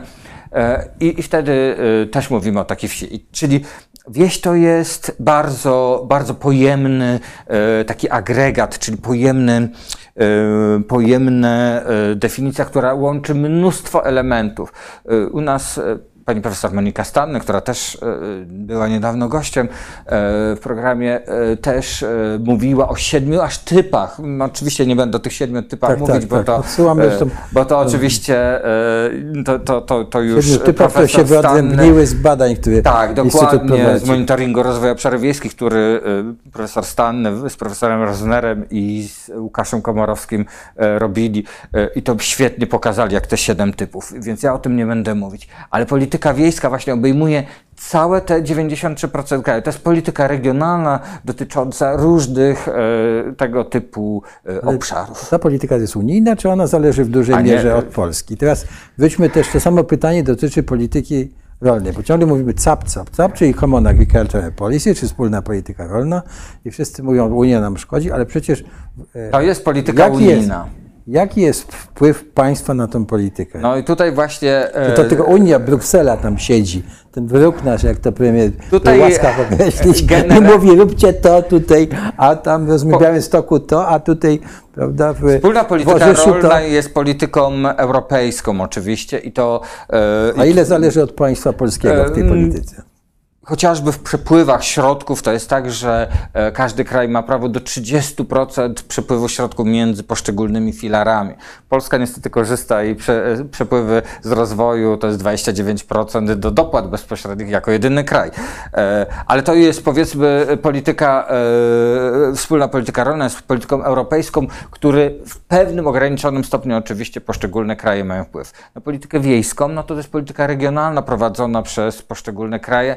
I tu Ale niestety rozumiem, ale- jest pewien ale, problem. Ale e, chyba może e, e, polski rząd czy Ministerstwo Rolnictwa decydować, prawda, e, co wspieramy wię- bardziej, co mniej, czy, czy, czy to jest... Nie, właśnie nie No. do końca. E, nie do końca, bo po pierwsze te przepływy oczywiście są ograniczone i e, z góry określone. To jest pierwsze, jeśli wspieramy odpowiednią działalność, to są określone stawki, określone kwoty w poszczególnych regionach i, i polity, polityka krajowa w minimalnym stopniu ma wpływ, a bardzo często nie ma nawet wpływu, ale Czy rządy krajowe do, mogą, dokład, mogą dokładać do tego? Mogą dokładać, ale każdorazowo e, musi być zgoda e, Komisji Europejskiej na e, pewne dofinansowanie działalności, bo wtedy ulega mm, ta działalność, no przede wszystkim konkurencyjność, zmienia się proporcje konkurencyjności, chodzi, tak. żeby Żeby, żeby ta konkurencyjność była równa na bogate państwa poziomach. mogłyby sobie dofinansować mieć większy... Tak, i, i, i wówczas polskie rolnictwo, które nie byłoby stać na takie dofinansowanie, chociaż częściej mi się wydaje, że w polskim rolnictwie to dofinansowanie z różnych przyczyn jest e, prowadzone. Niestety, a polityka wiejska to jest taki. Tutaj znowu odwołam się do mojej e, pani dyrektor, e, która powiedziała, polityka wiejska jest takim troszeczkę. em, jak ona nazwała to, e, taką osobą, która pozostała na przystanku, na stacji kolejowej, bo wspólna polityka, pociąg z wagonikiem, wspólna polityka rolna nie do końca ją e, chciał, e, się zmieściła. E, pociąg z polityką spójności. Spóźniony pasażer, tak. Taki spóźniony pasażer, który stoi na tej stacji kolejowej i, e, i żaden, inny program europejski nie do końca e, się mieści, bo polityka spójności oczywiście obejmuje obszary wiejskie, nie ukrywajmy tego, ale nie jest bezpośrednio finansowane, e, czy kierowane, czy dedykowane na wieś. A nawet jeśli popatrzymy na Ministerstwo Wsi Rolnictwa, bardzo często tutaj e, te dwie, dwa wyrazy występują razem. Rolnictwa i Rozwoju Wsi. Nas Albo na- rozwoju wsi, czy czasami to było rozwój obszarów wiejskich. Różne te nazwy poprzez y, te 30 lat było, ale te obszary wiejskie zawsze były takie troszeczkę na doczepkę. One raczej były rolnicy, przy by- rolnictwie, rolnicy a nie... byli górą w tym ministerstwie. Tak, przy rolnictwie, a nie jak, jak, jako odmienny podmiot. Może to jest pora, e, wybory za chwilę, Tak, W że... tej, w tej drugiej części, jak mówimy o rozwoju wsi, to co się mieści? Szk- Szkoły też, dofinansowanie oświaty, znaczy ja mówię też, tak? Też oczywiście wszystkie związane z, y, z funkcjonowaniem infrastruktury społecznej, czy technicznej, czy jakiejkolwiek Drogi, infrastruktury. drogi, tak? Tak, to, to wszystko y, w tej polityce wiejskiej będzie się. Tylko, że właśnie to jest ten problem, że ta polityka wiejska, ona praktycznie nie istnieje. Ona gdzieś jest ta, takim dodatkiem w różnych. y, W Jak to różnych jest w innych krajach? Em, przyznam szczerze, że nigdy nad tym e, głębiej się nie zastanawiałem, bo jakby nie, nie miałem takiego jakiegoś imperatywu takiego wewnętrznego, żeby szukać, jak to wygląda e, ta polityka wiejska. Ona bardziej, mam poczucie, że w wielu krajach e, jest przekształcona w politykę regionalną. Nie typowo wiejską, ale regionalną, czyli takiego punktowych, celowych działań na określone regiony w kraju, tak, żeby ich e, sytuacja poprawiała się. Dobrze, to jeszcze dwa słowa o demografii wiejskiej. Co nam mówią Państwa badania i mapy? przyszło, przyszłości, jeśli chodzi o No, tereny wiejskie zwłaszcza. Chociaż jeśli się popatrzy na tereny wiejskie w, stosunku do krajów europejskich, to one są nieco młodsze, ale to, co wykazały, to też nie moje badania, tylko z monitoringu rozwoju obszarów wiejskich e, pod kierownictwem profesor Stanny, e, to, co pokazały te badania, że ta dynamika starzenia się obszarów wiejskich jest znacznie szybsza. Tutaj też musimy zwrócić uwagę, e, o, których, e, o której wsi mówimy. Bo im bardziej peryferyjna, to, to te Bardziej. starzenie e, następuje bardzo szybko. Ale z naszych badań, które prowadziliśmy w ramach koncepcji Smart Villages, to widzieliśmy, że polska wieś się starzeje w bardzo szybkim tempie, ale nie tylko starzeje. Ona jeszcze em, polega wyludnianiu, czyli coraz więcej osób lepiej wykształconych, tym, co się poradziło, ucieka do miast. Następuje swoistego rodzaju drenaż mózgów, tak się też nieładnie to może No, w ale to- ekonomii no, mów- mówi, ale, ale takie ucieczka tych lepiej wykształconych do, e, do, do dużych miast, czy terenów wokół e, aglomeracyjnych. A powoduje to tak, z jednej strony e, pozbawienie szansy rozwoju tych terenów, no bo jak, jeśli nie ma młodych osób, to również pozbawienie środków. Ale to się na siebie nakłada, bo mówiliśmy Tak. o polityce wiejskiej. Czyli co ma robić, jakie szanse e, spełnienia swoich aspiracji e, życiowych ma młody człowiek, który zostanie we wsi peryferyjnej, jak on tam nie ma e, pracy ciekawej, żadnej, może nie mieć, tak? Ma tylko, może być tylko e, no, Niezgodna z jego aspiracjami przede tak, no wszystkim. i co? No musi wyjechać, no nie ma I rady. tworzy się pewne błędne koło upadku Czyli, wsi. żeby temu zapobiec, to by trzeba było w jakichś y, ośrodkach w różnych miejscach w Polsce wyko- dokonać wysiłku, nie budować centralny port komunikacyjny, tylko jakieś budować nowoczesne ośrodki technologiczne, przemysłowe, tam zainwestować, nie wiem, w Orzyszu, tak, czy w jakiejś, jakimś innym czy jakiś tak nowoczesny, ci ludzie mogli spełniać, tak, żeby... Tak, tu, i tutaj na, e, jakby em, odpowiedzią na to upadające, błędne koło wsi, e, upadku wsi, e, ucieczka młodych ludzi, starzenie się społeczeństwa, depopulacja i tak dalej, jest koncepcja Smart Villages, o której już pewnie nie będzie szansy, żeby teraz powiedzieć, może kiedyś, którą Mój kolega Łukasz Komorowski, akurat doktorat e, z tej koncepcji będzie, mam nadzieję, niebawem robić, ale też mieliśmy okazję badać wraz z Dobrze, powiedzmy, Anną to, Rosą od tej jak już Pan koncepcji. poruszył ten temat, to proszę powiedzieć, Smart Village, co to takiego?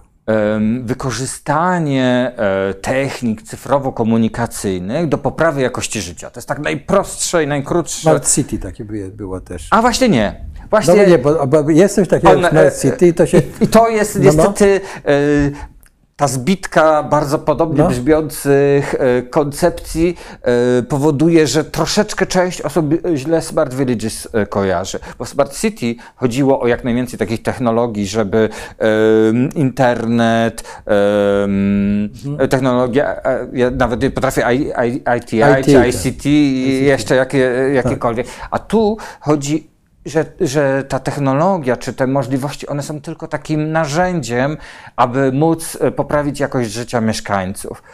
Ym, My w Instytucie e, takie działa, e, takie miejsca, gdzie, e, gdzie są wprowadzo, wprowadzone e, te smart villages, e, badaliśmy.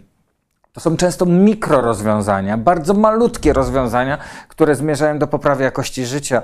E, Nasza e, już teraz koleżanka, właściwie w trzech konkursach trzy nagrody zgarnęła, e, sołtyska Alicja Morska-Kurek.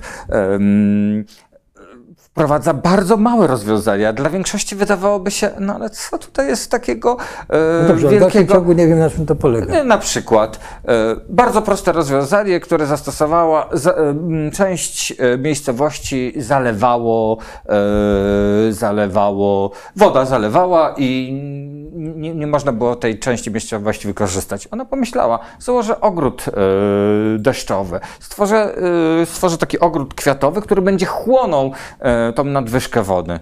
Wydaje się nic bardzo Dobrze, wielkiego. to Nie ma technologii Dobra, ale, jak, cyfrowo-komunikacyjnych. ale jak to wpłynęło na to, że ludzie chcą tam zostać? Sy- I zna, mają pracę, tak? I, Właśnie, to jest, No, no. właśnie o to chodzi, że w tych rozwiązaniach to są mikro takie klocki.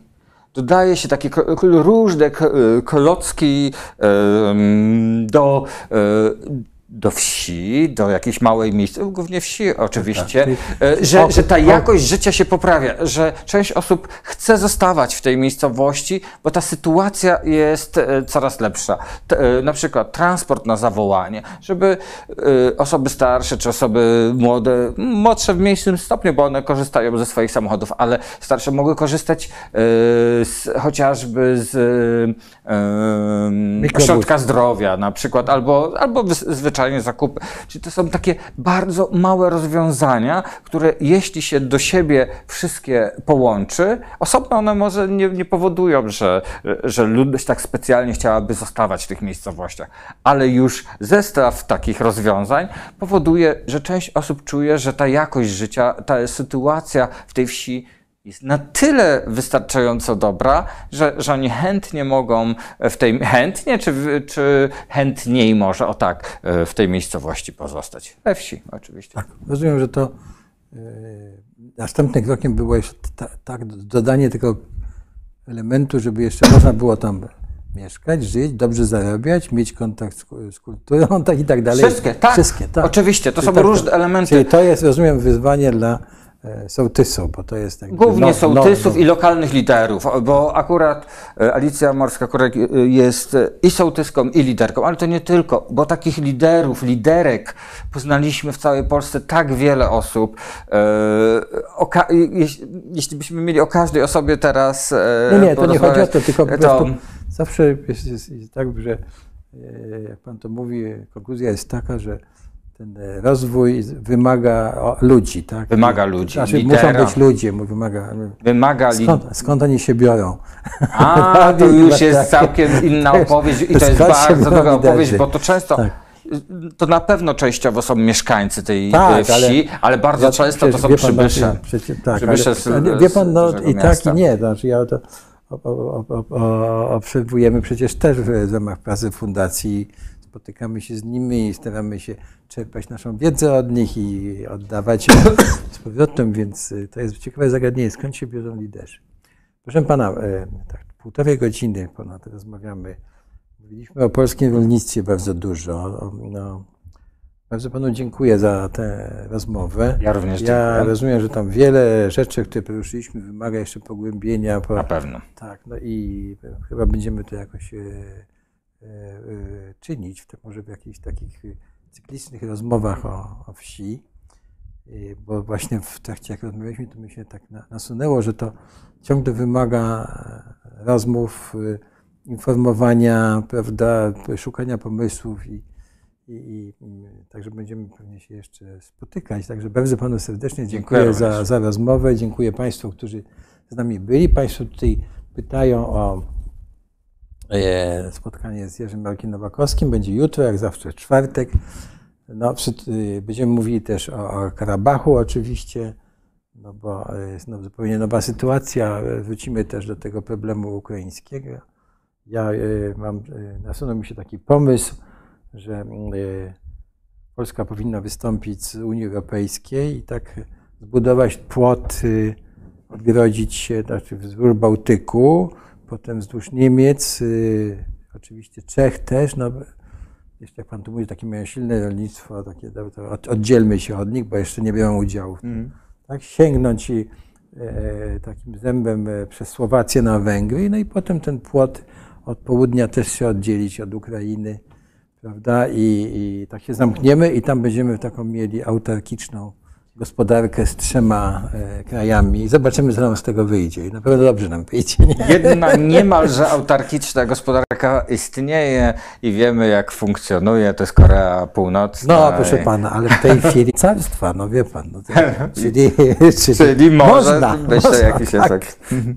E, Dziękuję Państwu. Tak, zapraszam na jutro do, na rozmowę z, e, o, o polityce zagranicznej, jak zawsze. A Panu dziękuję dzisiaj za rozmowę o wsi i za wszystkie inspiracje, jakie, i wiada, informacje, inspiracje, jakie e, z tego mieliśmy. Także do, do, do zobaczenia niedługo. Do zobaczenia. Dziękujemy. Dobranoc.